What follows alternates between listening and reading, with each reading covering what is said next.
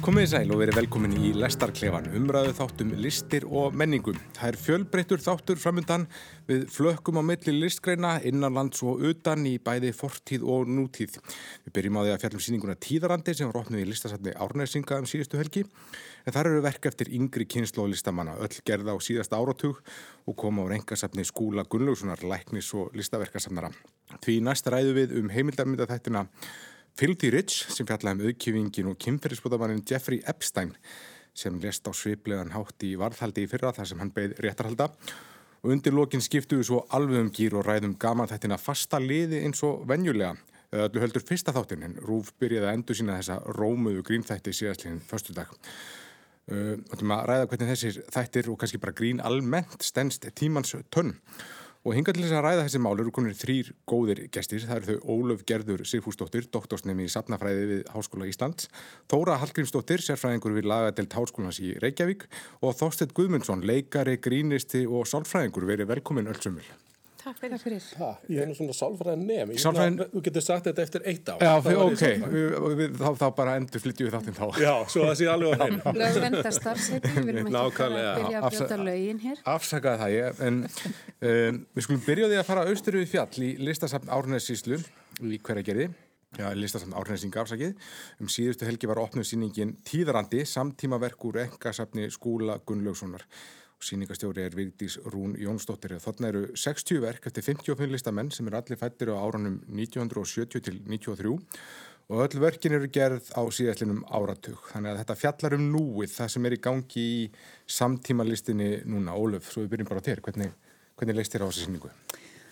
Já, mér fannst nú bara, mér frískandi að ganga þann inn og, og sjá allir þessi, bara allir þessu ungu listamenn samankomna á einum stað. Mm.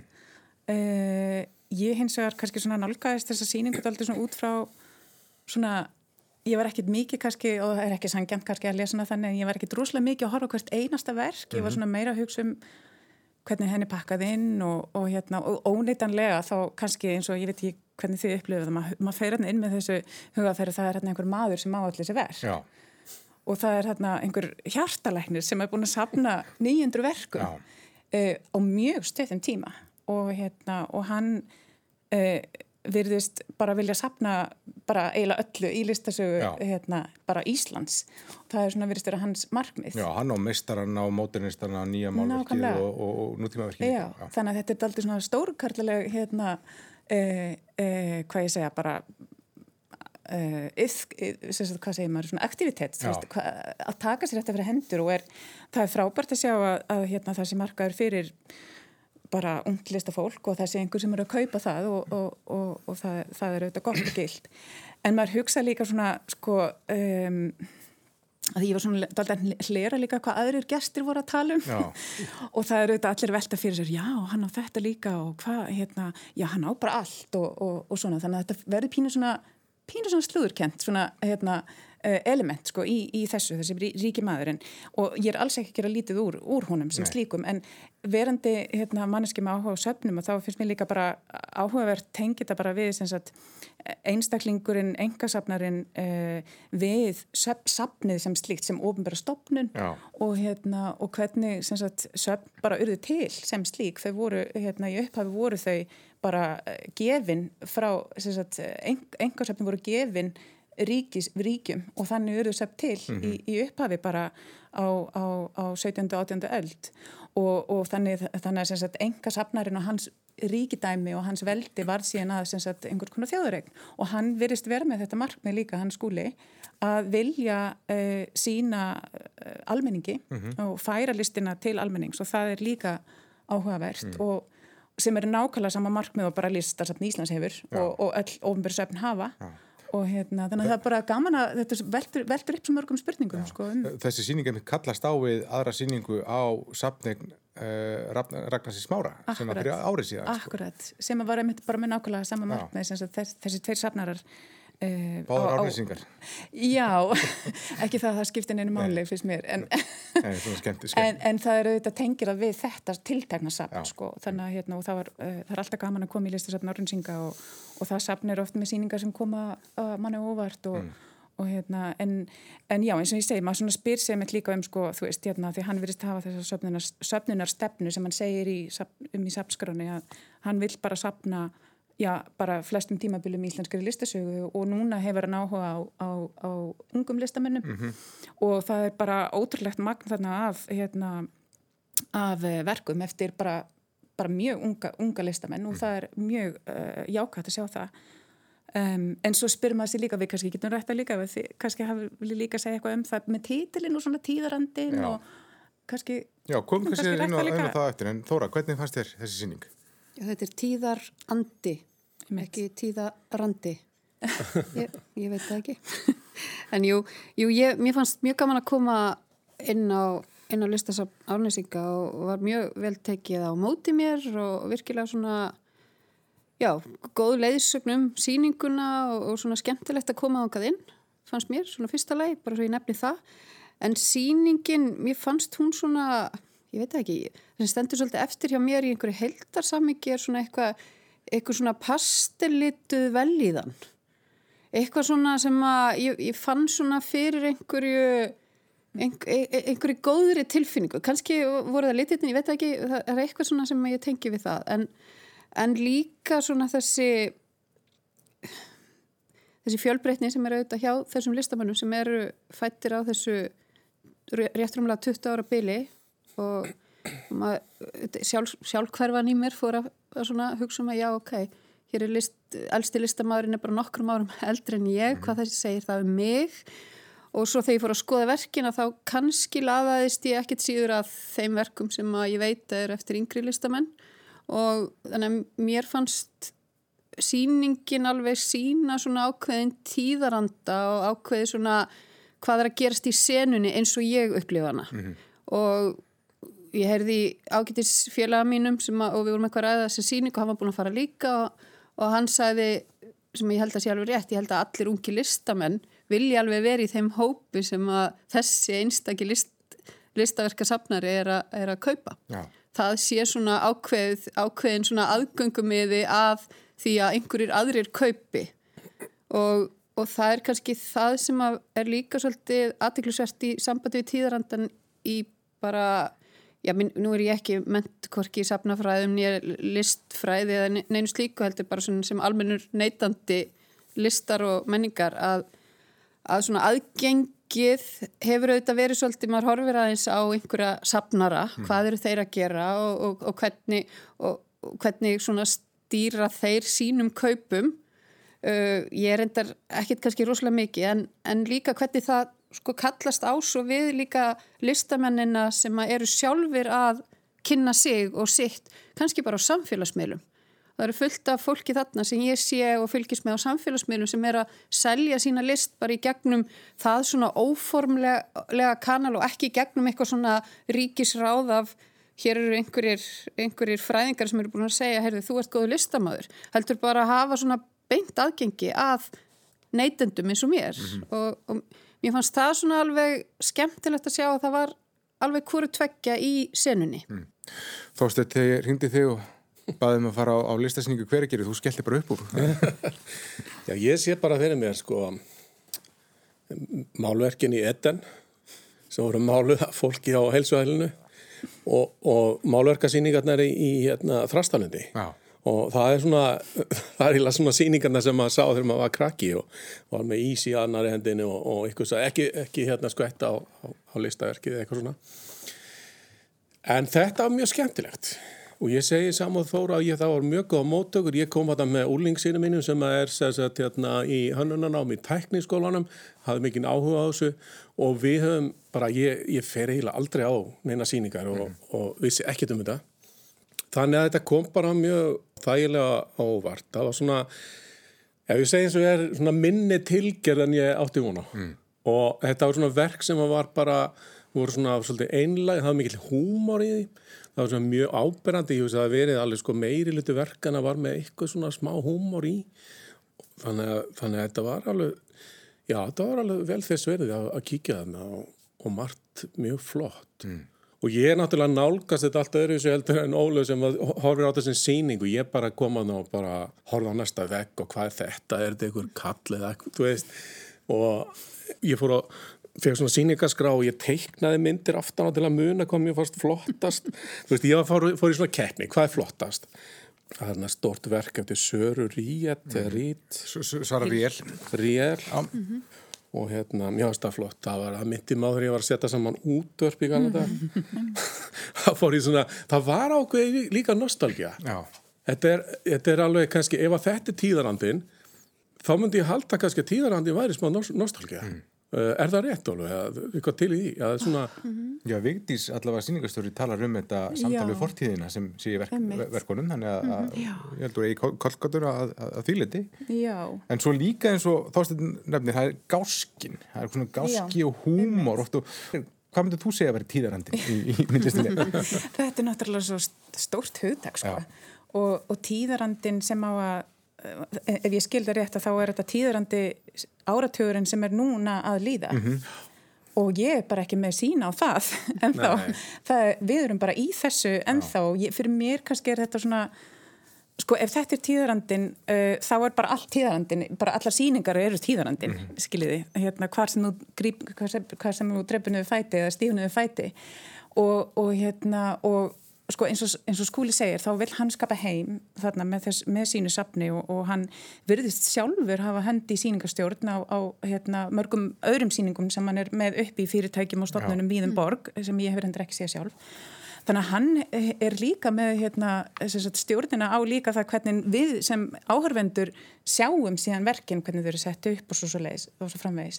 Þannig að hérna, og þessi verk sem við erum með þarna þau eru flest tvívi, þetta eru flest málverk. Mm -hmm. Þannig að þetta er mjög svona, sko, þetta er kannski ekkit, þetta sýnir auðvitað ekkit alla flóruna. Nei.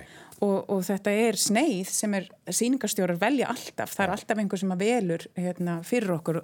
Og talandum hérna e, mjúku litina, þetta er líka hérna, e, þarna er líka sem sagt bara vald síningarstjórans í það að við fáum ákveðin svona tilfinningarlega viðbröð þegar við göngum inn í síningarsal mm. og þess eru allir stjórnað hérna, eða, sagt, og, og, og merkimiðarnir hvar þeir standa og hvað stendur á þeim og svo framvegist þannig, mm. þannig að hérna, en ég, já, ég varðalt að hugsa yfir þessu hérna húttaki og ég um, Já, ég menna Vigdís gerir vel, hún, hún, hún flokkar þetta niður á þennan hátt og það hefði alveg verið hægt að gera þetta örgla á marga ólíka veg og hún hérna, áttur örgla alltaf æri verkefni fyrir hendum mm -hmm. að vinna úr þessu Já. og hún velur að gera þetta svona og, og hérna, ég svo sem mér fannst hérna fyrsti salurinn sem er þessi frásagnarverk og sem vinna með þjóðarar líka og svona og mér fannst líka mjög gaman að sjá bara kynja hlutverkin þarna, mm -hmm. það er hérna, örlíti fleiri konur en kallar en, og mér skilst að skúli sé bara aktíft að, að hérna, horfa líka á unga hvern listamenn og, mm -hmm. og hérna, rétta af hlut þeirra í listasögni þannig að Ég þurfti svolítið að leita köllunum. Já, já, já. Eftir að ég var búin að fara og ekki að það bara, jú, Ragnar svona fatta en mér fannst konurnar miklu meira áberandi. Mér fannst það líka en svo taldi ég hérna eh, kallana og konunar Já. og þar eru bara þreymir fleiri en kallanir mm. en einhvern veginn hafði ég þessa suma tilfinningu mm. á þú þóra, mm. það væri einhvern veginn í meira hluta. Og... Ég búntaði hjá mig sko fjóra listamenn allt konur. Já, emmitt. Meðal annars hérna Örnu sem hafa með konur að fletta ringin og mér fannst þetta svona að minna með pínilitið á sko Rósku 1965 og sem að bara var líka, það voru svona kannski, ég veit ekki hvort það viljandi eða ekki, en litir voru ekki eins skærir eða eitthvað neginn. Mm -hmm. Svona hún, roska hittir áskeri búadóttur. Já, já kannski, einmitt. einmitt. Og, og hérna, og því ekki það, ég mennast mm -hmm. það bara mjög flott sko. Og kannski líka Matís, þannig í dansinum. Já, Matís, já, já, já. Svona alls konar vísanir. Akkurat, sko, akkurat. Þau saman í Þetta var góð, góð, góð veisla þarna hjá þeim. Þannig að, en, en opna þetta fyrir þér þóstið hugsaður þú fórstinn og sagði, ég vil, ég vil sjá meira mér langar að fara meira, sjá meira myndlist. Já, já, já, já, algjörlega sko. Bara, mér finnst þetta mjög bara, já, jákvæð reynsla og, og, og skemmtileg sko. Mm. þannig að ég hugsaði bara ef þetta er síðasti áratugur þá bara Já, ég er rosa sáttur hérna. ég, ég var einmitt svo litið eins og þú, Ólaf hugsi yfir orðið tíðarandi ég hugsa ef það er eitthvað sem er kannski tíðarandi í myndlist á, á þessum áratugu er það hvernig öll svona mörg milli miðla eru að mm. hverfa að, mm. að listamenn vinna ekkert endilega bara í málverki þeir fara í, í vídeogjörninga eða vídeoverk og innsetningar gjörninga og oft verk sem er kannski Meina, það er bara til einhver svona heimildum en, en verkið mhm. sjálft, þannig að það er kannski erfitt að koma, ég menna sérstaklega fyrir engasafnara að, að alltaf mhm. gera svona heilstætt yfirlit yfir yfir uh, já, slí, svona, svona slíkan tíðaranda. Það er rosalegt verkefni já. og hérna, ég meina listasafn í Íslands, ég tek það sem dæmi því það er svona ríkisstofnun, mm -hmm. ríkislistasafnið, ég meina það er búið að vera til í 130-40 ár og það er með sömu söfnunarstefnu og það á 10.000 verka eitthvað svo leiðs, 11.000 verk kannski. Þessi maður er að næstum 1.000 verk -hmm. og hann er búin að safna í mm. bara áratögu eða eitthvað. 20 ár. Já, mm -hmm. já, það er ekki 2008 þegar hann jú, kom heim? jú, jú, já, kannski allavega, mjög stutt já, þannig, hérna, einmitt og, og það er bara frábært ef hann ætlar að sapna, vonandir gengur hann lengra og, og sapnar þá líka hérna, hann talar um eyður og svona sem mm -hmm. að hann mhm. hérna, svona ber kennsla á og það er líka gaman að velta fyrir sig sko, veist, tengslum hans við þá líka bara listmarkaðinn og bara galleríin eða hverjir eru hans ráðgjafar, mm er hann með ráðgjafa? Mm -hmm. er hann að vinna með fyrir hann í vinnustofu heimsóknir og, og velur bara eftir einn smekk uh, verk inn í sitt safn, eða er hann með einhverja, er, hann, er einhver að vinna einhverja rannsóknir fyrir hann og því, eða skiljið það bara svo áhugavert að spyrja sig um þetta því að þannig vinna stopnaninnar mm -hmm. og, hérna, og batterín sem að íta undir bara listheimin á Íslandi sem eru kynningamiðstöð og það eru sambandínstikla myndlistamann, það er svo mörg öfla verki og svo eru þetta bara öll engagallerín og svo eru ráðgjafar og, og það bara er áhugast af, ég, ég veit ekkert um þennan mann sko, ég veit ekkert hvernig hann kemur inn í þetta mengi allt.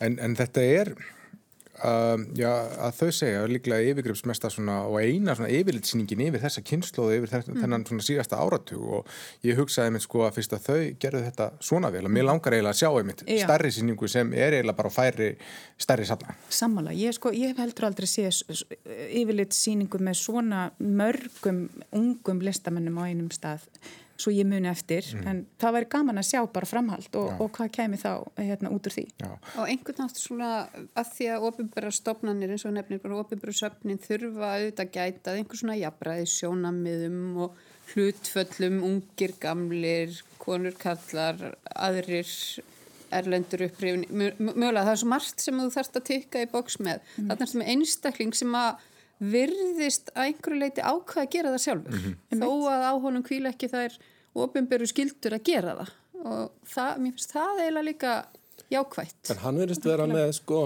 hann verðist vera að gera þetta sko ánæguna vegna Já, af því að það er náttúrulega líka til svona safnar sem eru bara að gera þetta upp á business að þau vita að þetta verður dýrmætt eftir mm -hmm. 20 ár. Mm -hmm. Þannig að það verðist eiginlega ekki vera Já, maður veit ekki. Já, hann segir það. En, það en, en er hann að selja verk aftur? Já, hans, hann, hans, ég, við byrtum viðtal við hann í, í menningunni í gæru og hann sæst aldrei hafa keift verk til þess að selja það aftur. Sko. Nei, nei, ok. Það fyrir kannski ekki hann hafið. Nei, nei, nei. en, en hann, hún er með bara, hann, er, hann getur bara gert það, já, hann veit. Já, það er svolítið, sko. En aftur á mótið söp, það er mjög erfitt að hérna, mm -hmm. losna við verk úr safnögn. En það er bara má ekki. Það sem var gott líka við þessa síningu að koma þessi verk samankomin að maður fær líka kannski smá tilfinningu fyrir því hvað maður fílar og hvað maður fílar ekki. Já, þessi verð tala til maður sem ekki já, þetta og, svona, og, og það er auðvitað allir leið það er auðvitað sumt hrifum mann og annað ekki sko. Það er náttúrulega bara Það var ekkert þarna sem að ég myndi ekki vilja hafa heima hjá mér. Mm. en ég var í hópi þar sem að það voru einhver sjónum um sem bara, já nei ég geti aldrei haft þetta heima hjá mér. Já. en ég svona fekk það tilfinningu mm. að ég geti búið með þessu öll saman. Já, einmitt líka áhugavert hvernig hann segir frá held í síningarskráni hérna, hvernig hann, svona hvaða samband hann á við verkin sín á heimilinu sínu Já.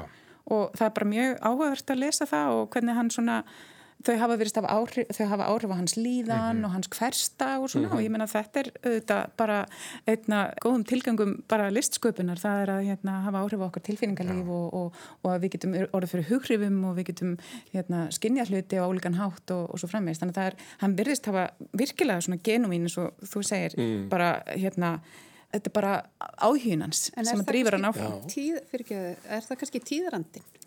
Að það er bara leifilegt að hafa einhvern veginn allt inni.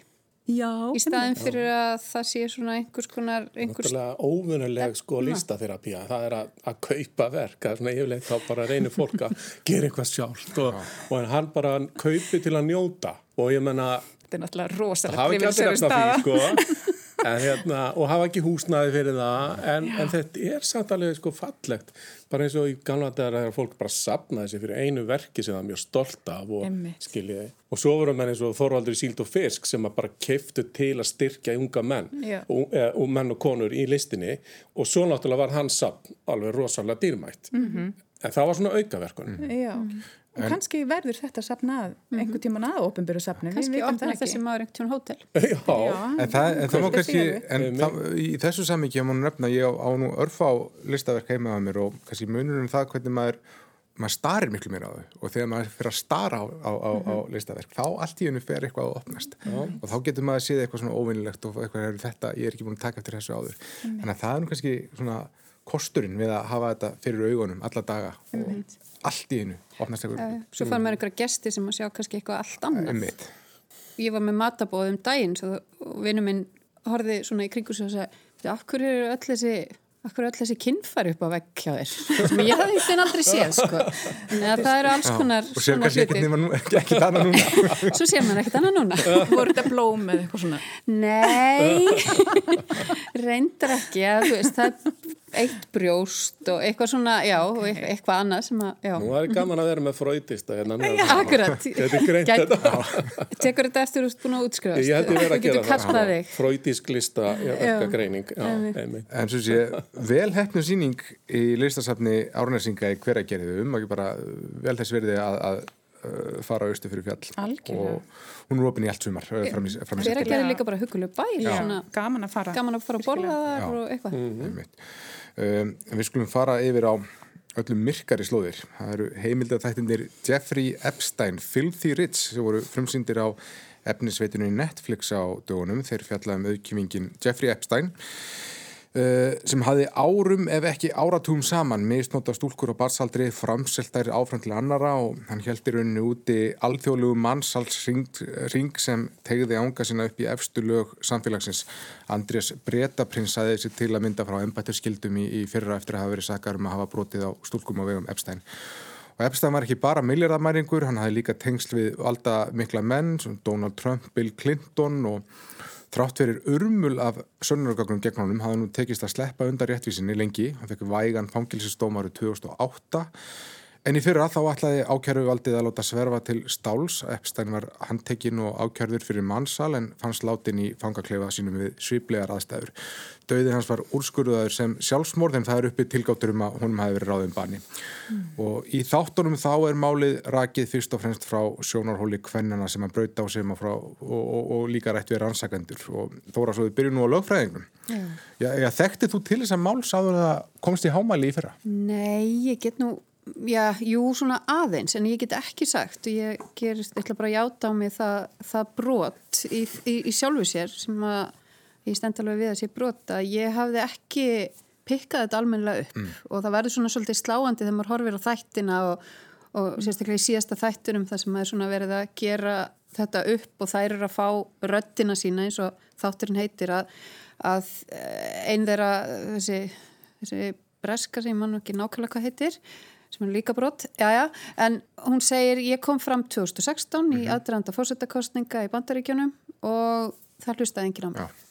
Ég fekk enga aðdegli og ég held að ég sé bara þar eins og svo margir aðra að ég veitti þessu ekki aðdegli þetta var einhvers konar háfaði og, og það er mjög sláandi að sjá svo sögulega einhvern veginn hvernig þetta átti sér stað og hvar hvar, og ég veit ekki hvort þetta orð fylgði rits, er einhver, kannski engin tilviljun að þetta orðasamband er til, að því að, að þú ert svona ríkur þá hlýtur að vera eitthvað skítugur mm. mögulega, ég, ég fór að hugsa bara varandi titilinn.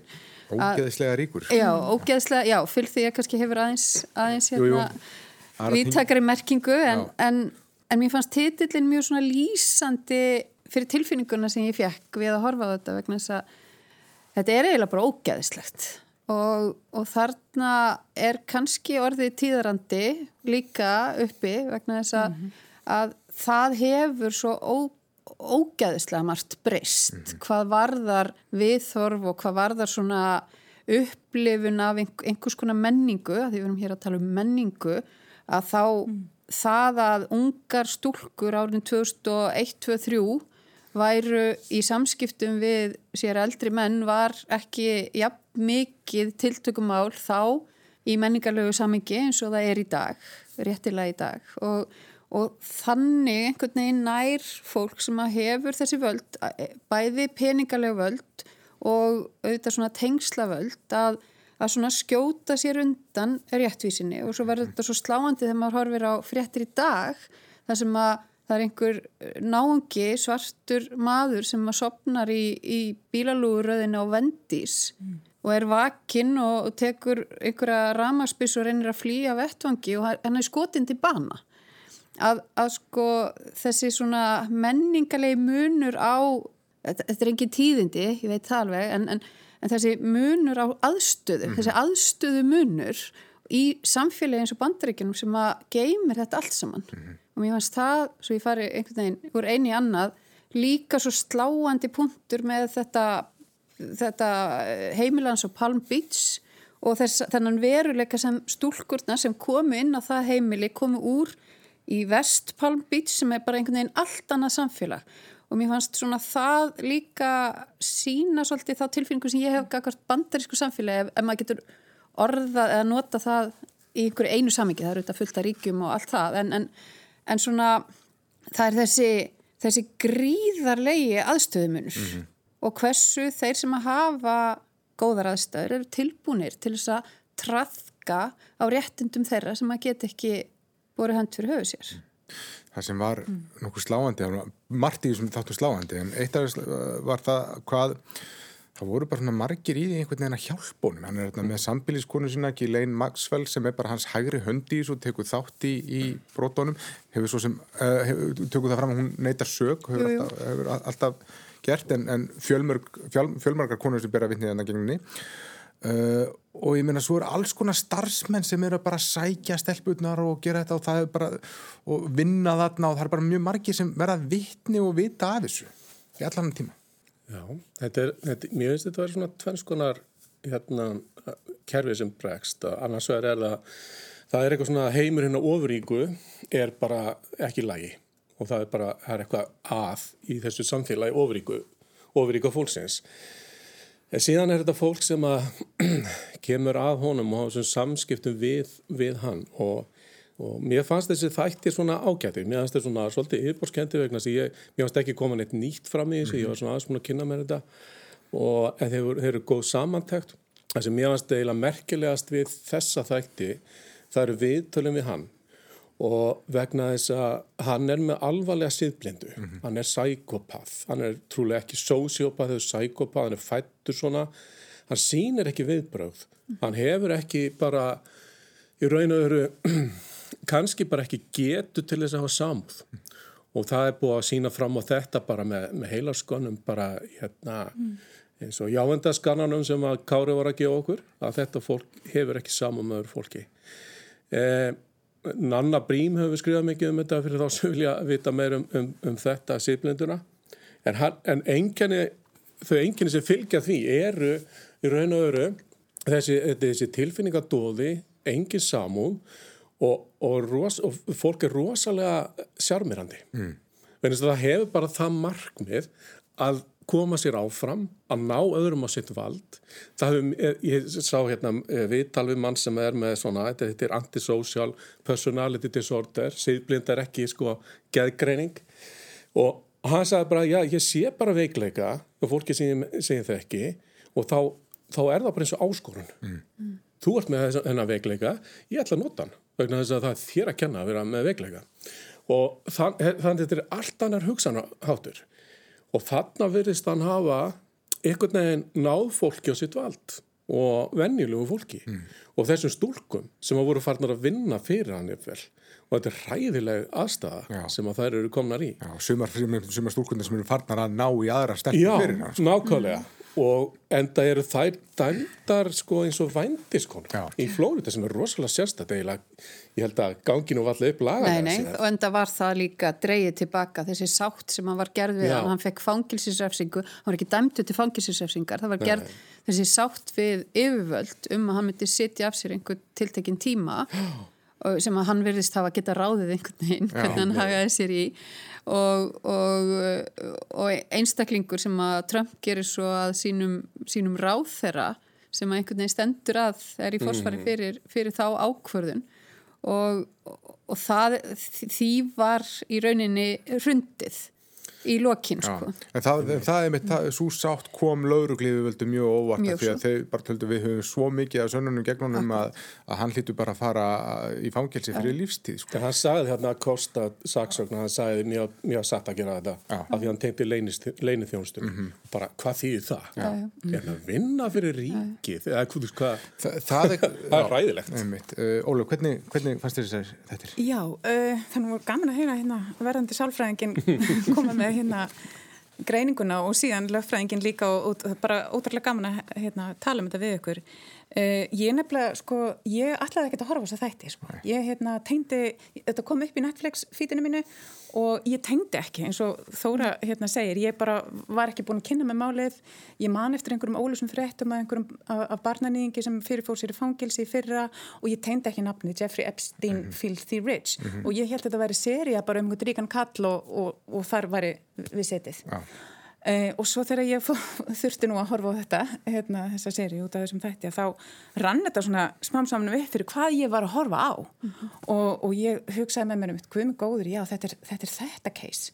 Og uh, maður er náttúrulega búin að vera að horfa á uh, mjög góða þætti um sem, sagt, sem að hafa sprottið upp úr MeToo reyfingunni og, og eins og bara hérna, kannski það hafið líka hort á hérna, Leaving Neverland ne, mm -hmm. Neverland. Já. Mm -hmm sem er náttúrulega rosalega vel gerðir þættir þar sem maður bara virkilega fær að hérna, kafa inn í bara reynsluheim fornalampana og ég, svona, mér, þetta er ekki eins vel gerðir þættir við bara tölum svona út frá því fyrir, fyrir minn smæk ég átti þetta alltaf erðin að tengja svona fyrst einhvern veginn og, og hérna og ég hoppaði alltaf pínu rugglislegt einhvern veginn svona fram og tilbaka og ég skildi heldur þetta er náttúrulega líka bara mjög rugglislegt mál. Mm -hmm. og hérna og það er svo marga flækjur og, og það er áherslu að horfa þetta út frá bara svona kerfinu hvernig er þetta í óskopunum mögulegt og þetta er auðvitað verst að blanda uh, fyrir manneskja að vera í síðblindan og ofuríkan mm -hmm. er hægt að vera einhvern veginn með barnagind með barnagind, sko, þú veist þetta er svona verstu glæpir bara sem hægt er að hugsa sér.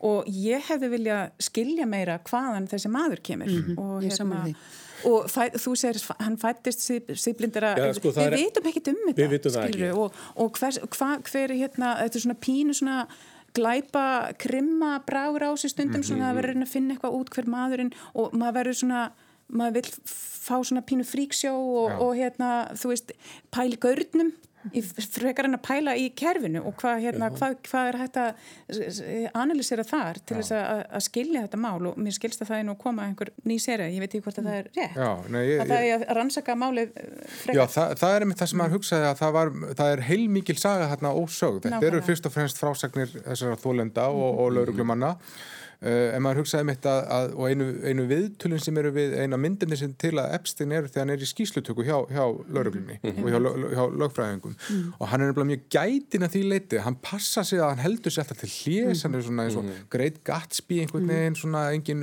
dularfullur maður og svona hann er, hann er mjög passa saman upp á það að gera og, mhm. en allt sem svona er vitað með hvernig hann bara kemst til metorða er með lígum, lígu til um mentun sína, hann stelur af samstarfsmönnum sínum og svo framveg framvegis en, en, mm. en það er svona, það er allt nefnt í framhjálpupi í myndinu mm -hmm. og það er nefnt í eiligi framhjálpupi til dæmis að hann hafi kvikmyndað þetta allt saman sko, með, með upptökubúnað í öllum herbergjum þannig að mm. það sem einhverju valdamiklu menn komu og nýttust á ungum stúlkum mm -hmm. og til þess að hafa bara sem fjárkúunar eða tryggingarmöguleika fyrir sjálfa sig. Mm. þannig að það er svona stór saga sem er ennþá ósögð. Já, maður vil meira sko. Ma, ma, ég allavega, ég veit ekki hvernig ykkur leið. Langar ykkur ekki að veita meira eða hvað? Ég myndi segja bara að mig langar eins og ykkur að þetta verði upprætt Já. og bara verði gert eitthvað í málunum. Nákvæmlega. Og það er sumið sem segja að þetta verður endalus mára ferli og þetta er bara rétt byrjunin en svo er aðrið sem segja að það verður ekki meira. Mm -hmm. Vegna þess að þarna ert að fara yfir línuna, þarna ert að fara bara Þú, þú mönd ekki að treyfa við þessu fólki. Þetta er mm. elitan í heiminum, mm. Þetta verður stoppað af. En kannski það sem hreyfði samt við þessu fólki var ekki hefði ofinbera réttarkerfi, það, það klikkaði, ég leiði mér að fullira mm. það með þessari, þessari sátt sem var gerð við hann. Fram hjá domstólum já, bara... já, já, algjörlega. Það eru bara eh, saksóknarinn sem, sem ákveður það. En það sem að uh, brotaþólanir eða fornalömpin og brotaþólanir er um svona orðin sem er, er almennt notað þessu ákvað að gera og lögum en þeirra var að fara í engamál sem að þetta er svona Pínu O.J. Simpson Er það hérna- í gangi núna? Og, nei, það, það var sem sagt í gangi og, já, já. og ég þekki svo sem ekki hvort að dánabúið, það sé verið að krefja dánabúið um einhverjar bætur eða eitthvað slíkt, það kann alveg að vera en það er það sem að hjælt kannski málinu aðeins lifandi uh, áfram var mm. það að einstaklingarnir sem eru þó einstaklingar sem að hafa ekkit rosalega mik mikla möguleika mm. gagvart svona og, og við sáum alveg hvernig það voru allir sem komu nálægt málinu eldir uppi já, og, og talað um það og heldir heldir í rauninni mm. og það er auðvitað það sem að, að þeir sem eru ógæðslega ríkir geta gert mm -hmm. og það er eitthvað sem að ég held við verðum að, að uppræta mm -hmm. að, að það sé hægt að fara fram hjá Myndið þú telja að svona geti viðgengist eh, hér? Ekki á Íslandi. Við höfum ekki, já, allavega ekki þessa formlegu leiðir til þess að gera svona sáttir við Nei. þá sem eru til rannsóknar. Nei. Það eru einhver dæmum það að einhver sem hafa komið fram sem vittni mm. geti mögulega og það, það er í efnaðsbrotum núna bara nýverið á síðasta mm. áratug einhver, einhver nokkur dæmi um það mögulega en almennt virkar okkar réttakerfi ekki með þessum hætti og við höfum ekki kviðdóma Einmitt. þannig að, að bandarist réttafari er, er allt öðruvísi Einmitt. hvað þetta varðar. En svo náttúrulega endar málið á því að hann deyr Akkurat. og þá er bara hægt að rannsaka málið gegn honum og, mm. og það er einmitt það sem vekur þess að vanga veldur um, um þennan sviplega döda hans að mm hvort hann hafi fyrirfarið sér eða hvort að hann hafi hreinlega verið myrtur. Þetta er allt svo mjög grunnsamlegar kringumstæður.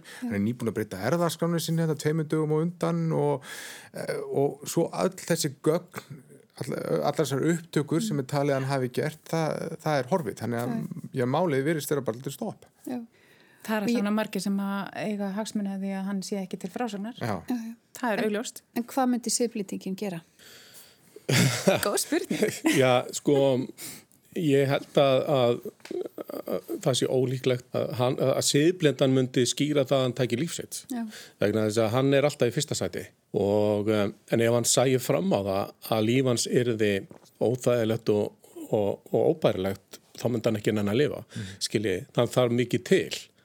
Þannig að ég held að það skýri það ekki, sko. Ekki hérna einhver greining á, á hans, hans líðan eða sál sko. En útilokki hins vegar ekki? Nei, nei, það gerir það ekki Þegar lögfræðingar hans alveg hamast á því að hann fái tryggingu hann komist út og getur kert sig uh, tryggu og hann býður 500 miljónir dollara en svo þegar hann fær það ekki hann fær, losnar ekki varðhaldi þá... En við hérna á Íslandi við getum sagt bara if it walks like a duck skilur, ég menna þetta er bara e, e, ofgrunsalegt ég menna þetta, mm. þetta er ekki, þetta stennst ekki. Nei en, en ég held að en hans svona hans svona persónuleiki skýrur það ekki. En ef þú nærða að ljúa þig einhvern veginn, þú nærða að ljúa Já. sko upp á þig námi. Þú nærða að ljúa þig inn í starf sem að fær, sem gera það verkum þú kynnist einhverjum sem gera það verkum að fara annar starf og þú nærða að ljúa þig í gegnum lífið í þessu, þessu magni. Ég held að það sé samt 20 að það er sko að þú er kannski stoppaðar af.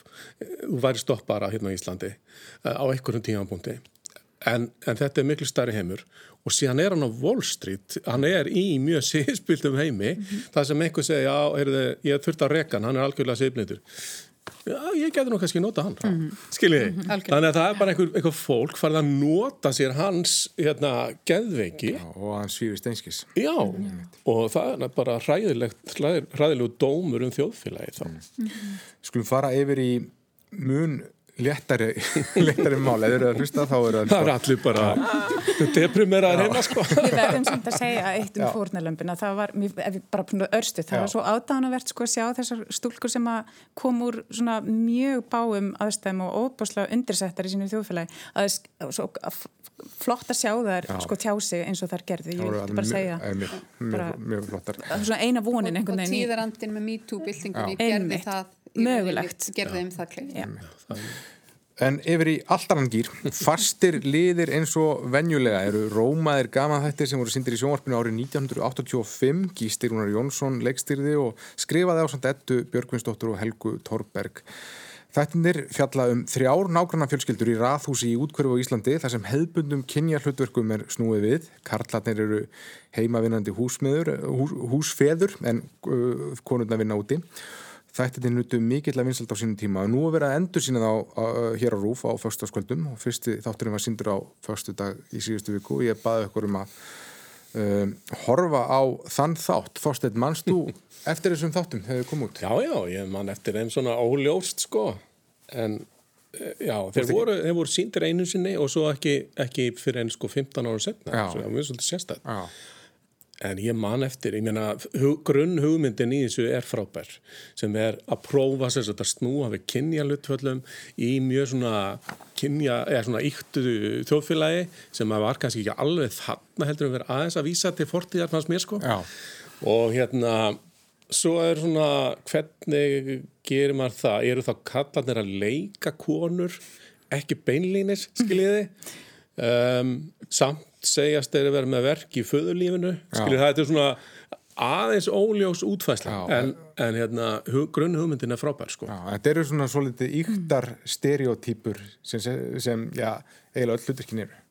Já, akkurat. Þetta verður náttúrulega mjög svona ykt og svona klift og skorið einhvern veginn, svona típunar og, og, og það er gengið aldrei langt í því að svona búið til einhvern svona karikatúr úr mm. eiginlega hverju einu, hverju einu típunni og ég minna í dag myndum að kalla þetta bara eitthvað svona útrópa þetta sem bara það er bara að vera búið til staðalímyndir af konum og köllum og svona gerum við nú ekki í dag og svona þannig að ég myndi segja svona þættin er kannski eldast ekkit vel þannig sem, en, en þetta er samt rosa gott bragð sko, að, að snúa kynja hlutverkum á kvolf til þess emmitt að hérna, benda á hversu bara félagslega mótu þau eru. Veist, er, þau, þetta eru bara hlutverk sem að hérna, samfélagi kennur okkur og mm. að kallar átt að vera útvinnandi og konur átt að vera heima og, og það eru rauðilega allar taugaveklaðar og, og, og kallanir eru í, í lagsvæði eða hvað sem það er. Mm. Þannig að hérna, þetta, þetta er gott bragð en hérna, ég minna svona þættir eru náttúrulega ekki gerir með þessum hætt í dag en, en ja, ég veit ekki hvað. Ég held að það veri gaman að sjá þetta handritt gert núna. Já, hvaða típur væri dregnar fram? Því að nú, að því að þú veist, þarna var þú veist, það var hérna snirti hérna, kannski er það Instagram típan í dag þarna snirtilega kona sem er já. alltaf að púsa þú já, veist, já. og kannski er hún alltaf að spreja einhverju etiki -hmm. heima hjá sér og svo þarna taugaveiklað sem sagt konan, sem að væri kannski viðkvamasta típan í sem dag er, um- Júli Bráns, er þetta talað um? Já, að því að sko, nú vitum við allt um fæðingaþunglindi og við vitum allt um hormonasveiflur kvenna og, og hérna, við myndum ekki kannski, þú veist, afgræða þetta svona einfallega. Hann er sko. alltaf á viktinni og æbandi en kannski er þetta söma ágefnin, ég veit það ekki. Nei, og svo þarna hérna hinn típan sem að sem að hérna lítur út alveg svo Mick Jagger hérna í... Já, hann er hérna sem Arnar Jónsson leikur. Já, alltaf kostilegt Já, sem er svona eins og blanda af Mick Jagger og Jim Carrey í þessum hlutverkum Já, nákvæmlega. Svona algjörlega svona over the top hérna það. Þú voru að þú sást þess að þetta ekki Nei, á sínum tíma? Nei, nú, ég get, get ég tekið mig hátilega þess að já, ég bjó nú erlendist á tíma. Ég var náttúrulega bara barn en ég bjó erlendist, ég bjó í Nóri og, og kem heim Uh, í byrjun ás uh, áramótin 85-86 og þá fannst mér ég hafa bara mist af einhvers konar bara menningarsögulegum uh, atbyrðum vegna þess að það voru mjög margir svona frasar sem að verða að nota og eitthvað, eitthvað, eitthvað mm. svona verið að syngja það kviknað í og, mm. og allt þetta og, og ég, ég bara þetti þetta ekki og áttaði mikið á og það, mér fannst það kannski sem tíara batni, allavega batni einhvern veginn meira það sem satt eftir heldur en endilega þessi áhersla á þessi að skipta kynna hlutverkunum. Mm -hmm. Það var ekki það sem að mínir jafnaldrar svona í minningunni voru að hlæja heldur, heldur þetta bara svona einhverjir, svo, svo kemur stella í Ólofi, mm. stuttur setna mm -hmm. og þá eru allir góðu frasatnir og það, það var svona það var svona tíðarandin þá eins og ég uppleiðan. Og í dag nú horfið ég á þetta emitt hennan þátt í gerkvöldi með nokkrum vinkonum mínum og við skiptumst alveg, eða þær skiptust alveg í tvo hópa. Al, alveg allt frá því að vera svona, já þetta er, þetta er rosafindið sko. Já. þetta er bara rosafindið og, og, og, og í það bara þetta er bara, alg, þetta er bara algjörlega fáranlegt að vera einhvern veginn að, að stilla konum og köllum upp með þessum hætti. En að kannski erum við bara ennþá í, í því. Mm. en maður auðvitað horfir á svona þættu og, hugsa, og það er alls konar sem maður nýtur. Það er svona, ei, gömlu mjölk sko. þannig að nostalgían einhvern veginn svona liftir þessu alltaf eitthvað upp Svo er þetta sko, þau töluðum ekki um það á sínum tíma, þetta verður sápa. Já. og við þekkjum ekki sápu á Íslandinu bara erlendar sápur sem það er, þið veitir, einhver degir og svo kemur tvíbarabróður og hann vaknar dái, þannig að það er meira heldur en gama þáttur og En, en sko í þessum þáttum þá er til dæmis hérna Júli Brján sem að bara brillerar í gamanhlutverki Æðislegur, og það er sko. bara einhvern veginn maður hættir að pæla hvort hann sé að leika koni eða hvað, hann er bara fyndin og krakkar elskuðu þetta á sínu tíma. Og hann sló svolítið gegn þarna í þessu. Eins og náttúrulega mörgu öru en, en, þetta var svona þetta er svona ennþá svona tilraun. Kannski pínu svona farsi í sjónvastáttarlegum skilningi. Mönur mikið að reka sér í og hella niður. Já, já, svo kemur já, svona tónlist. Ég var að mynda að hugsa bara allan tíma bara, hver gerir þessa tónlist? Hún er svona var Valgi Guðjónsson. Nei, Vilhjálmur Guðjónsson. Og, hérna, hún er svona pínu svona, par, svona blanda af svona, þessu en samt einhvern veginn ekki. Mm. þannig að mér fannst það alveg pínu fyndið að, að finna en, það. En það er alveg að fyndið nefnið Stelli Orlofi að því að það kannski undistrykar hvað þetta er svona mikil tilrönd með form að því að það mm. eru miklu leiti sama fólki sem er að vinna Stella bara ári síðar sem er gaman sem tekur að vissuleiti á sumum málefnum en er einhvern veginn allt öðruvísi í bara í samtölum og leik og öllu slíku mm. miklu þjættari mm. að, að svona menn höfðu kannski ef maður, ef maður myndi ætlaði að hugsa sko, já svona gerðu menn bara hlutina þá, þá er þetta ekki þannig sko, því að menn eru bara meðvitað að prófa sér áfram með einhver form. Já, og ég menna Stella Orlofi kallast miklu meira á við bandariska bíómyndir, gagamyndir á þessum tíma heldur en þessi þættir já. kallast á við nokkuð annað. Þannig að þeir eru svolítið sérstakir sko og, og við kannski erum svolítið upptekina af þessu með kynjarlutverkin í dag. Já. Kannski bara því að það hefur verið svo rosalega mikið til umræði og ég er ekki til sem allir hafa verið að pæla mikið í þegar ég sá þess að þekta sín tíma. Nei, ég held að það sé rétt. Já. En var það ekki ásetningur handreitsöfundana að svona, þú veist, vekja til umvöksunar? Já, hann frægir feministar sem skrifuði þetta. Nákvæmlega, þannig að það hlýtur að vera en, svona... En þjóðfólagið var ekki svo mikið upptekið, skiljið, það séum við. Sko. Var þessi það... feministki gjörningur að var hann feministkur og var hann að virka? Ég, kannski bara vorum við ekki tilbúin til þess að láta hann virka mm. þá en erum kannski aðeins meira tilbúin til að gera það núna, ég veit ekki. Já, en það er að minnst að kosti verið að, en verið að, að það verið að sína þess að þetta er núna, í endursýningu. Af hverju núna? Já, ég held að það var mikil eftirspurnu eftir í til dæmis í COVID. Það, það ringdi einn fyrirspurnum til dæmis á, á, á Ríkisúttarpiða sem fólk baði um þessi þetta eru í endursýningu, sko. Okay. Það ætlaði að mikið segja að sé vegna fjölda áskorana. Okay. En það má kannski setja þetta í samhengi við það sem er að gerast út í heimi, það sem bara í ljósi mótmálaröldu í bandaríkjónum þar sem við erum að fellja minnilhauta hópa þar er verið að taka, til dæmis að BBC tók tímabundið fólk í Towers af dagskrá að vera að taka heilu þáttaræðarnar jafnvel úr uh, af dagskrá uh, svona, til þess að sína tillitsemi við, við réttindabartu minnilhauta hópa um, Hvað finnst ykkur til dæmis, Þorstein, þú náttúrulega gerði grín þætti hérna í gamla dag, ertu eftir? Já, og ég hef sagði að það er hægt að kanselera þeim mörgum, það er nú bara þannig. Þetta er, þetta, þetta, ég held að svona, mér finnst með þessu á fólki svona almennt að þetta, því finnst þetta að þetta verið komið út í öfgar, mm. að vera að fara að, að breyta fortíðinni, menn að ég þá ekki fara á listasafni Íslas og taka nefnir summáluskin mm. og bara, og, og jafnvel hérna hafa bókabrennur, þetta gengur ekki. Og fólk er, þetta, þetta kemur út úr því að, að fólk sem sagt hérna er farið að móðgast út af einhverju sem að einhver segir eða gerir og, og finnst það bara sjálfsagt þá eins og John Cleese saði að, að aðrir ber ábyrð á því að ég móðgist ekki. Mm -hmm.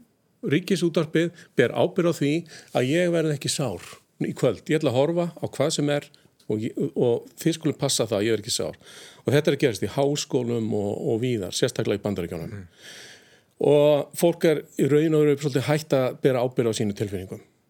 Og eins og við kannski á síðustu árum þá eru við að tölu mikið um, um hérna húrana atvellismæðferð og stóisma að, að það sé sko okkar viðbröð við atbyrðum sem að skapa tilfinningarnar. Ég lappa hérna út og eitthvað segir við þú út um meiri hálfutin ég ekki tólkað að hann er verið reyður eða sár eða bara hvað vil ég sér góða þetta skiljiði, það eru viðbröðin sem skipta máli og við verðum þá að bera ábyrðu okkur tilfinningum en þarna ertu fann að setja bara ábyrjuna yfir á aðra ég gæti móðgast yfir einhverju sem þið segið passið ykkur og fólk á þá að spá í það hvaða er sem maður má ekki segja skilir hvað það við? Getur maður kannski ekki kansilerað tíðarandan? Nei, menna viljum við, sko ég held að við þurfum náttúrulega að þróast með tíðarandanum og taka tillit til sko hluta sem að við vitum í dag eru særandi og eru leiðilegir og, og, og við, menna, einelti og ímislegt sem að við höfum bara reynda hérna, uppræta en viljum við endur sko sögun út frá þessu mm -hmm. og bara láta eins og þetta hafi ekki gerst og og þessi þáttur ekki fólkt í táas, allir fínir þættir nema eitt þátturinn, mm -hmm. við skulum ekki sína hann mm -hmm. skilji, eigum ekki bara að lega fólki að dæma um það og ef einhver mókast eða eitthvað þá bara Fyrst er þetta, væri lausnin að sína svona þættin vera með svona átt eitthvað svona skýringatekst að fylgja með til þess að setja hlutin í samhengi Já, það er hvort Mér finnst já. það, já, ég, ég finnst það að veri sko, mér finnst þetta rosa erfitt Trigger one Já, sko, einhvers konar formála eða mhm. umræðu eða eitthvað. Og ég menna við erum hérna í, setjum hérna, hérna Fjögur, ég veit ekki hvernig það er að búa í minnulita samfélagi hérna, svartra í bandreikinum þú veist, ég reyna að setja mig í spórðir en ég geta, mun aldrei geta það. Mm. Og, og hérna, og nú er til dæmis bara í þessi samengi líka verið að taka nefn mikið á stittum mm -hmm. af sem sagt, hérna, kúrum nýleitustefnunar og, og þræla, þrælahaldara og, og, og söðuríkjana og þar eru við að tala um kannski aðeins annan hlut, þar eru við að tala um bara svona verki almanna, eða bara svona hlut í almannarími sem er mhm. alltaf fyrir augunum og ímyndaður hvernig það er gangað fram hjá hérna, bara uh, minnisvarða um veldi hérna, kúraðins á hverjum degi þá náttúrulega hlýtu það að líti einhvern veginn öðru sig út heldur en bara þú kveikir á sjónvurpinu og ætlar að horfa einhvern skemmti þátt mm -hmm. uh, það er kannski svona einhver munu þarna á og ég er alveg, þú veist, ég er alveg sammálaður að það er, þú veist, það er, þetta er varhugavert að fara mm -hmm. svona aftur í sögun og, og íta til lítakkan mm -hmm. af því að það getur líka verið einmitt bara vitið til varnar og frekar til, til umræði og gaggríninar umræði mm. en þá erum við líka að byggja um það mm. Þóra fáðu gagnort innleg frá þér Ég Nei Nei, ég var, ég var að hugsa í þessi samingi mér fannst, mín mörk voru einhvern veginn svona þegar ég fekk tölvupost frá útgáðu fyrirtækinu sem ég hétt einu svona One Little Indian Já. útgáðu fyrirtæki Bjarkar sem allra ekki heita One Little Indian lengur sem er bara allt í góðu, það er bara fínt að taka slíkar ákvarðinir en einhver svona mjög svona ítaleg afsökunarbeginni mm. Var svona einhvern veginn eitthvað sem ég sá ekki endilega fyrir mér að þyrti þannig að þetta er svona við getum ekki svona, já við getum ekki sagt þetta gerðist aldrei, því að mm. þá lærum við ekkert. Mm -hmm. en, og við getum alveg breytt en það þarf ekki að gera, gerast endilega alltaf í öllum tilfellum með þessum dramatísku uh, ráðstöðunum Við þurfum að slá botn í þáttin núna, kæra það ekki fyrir komuna Ólef Gerður Sigfúrsdóttir uh, Þóra Hallgrímsdóttir og Þórstin Guðmundsson og hafið það gott. Takk svo mæg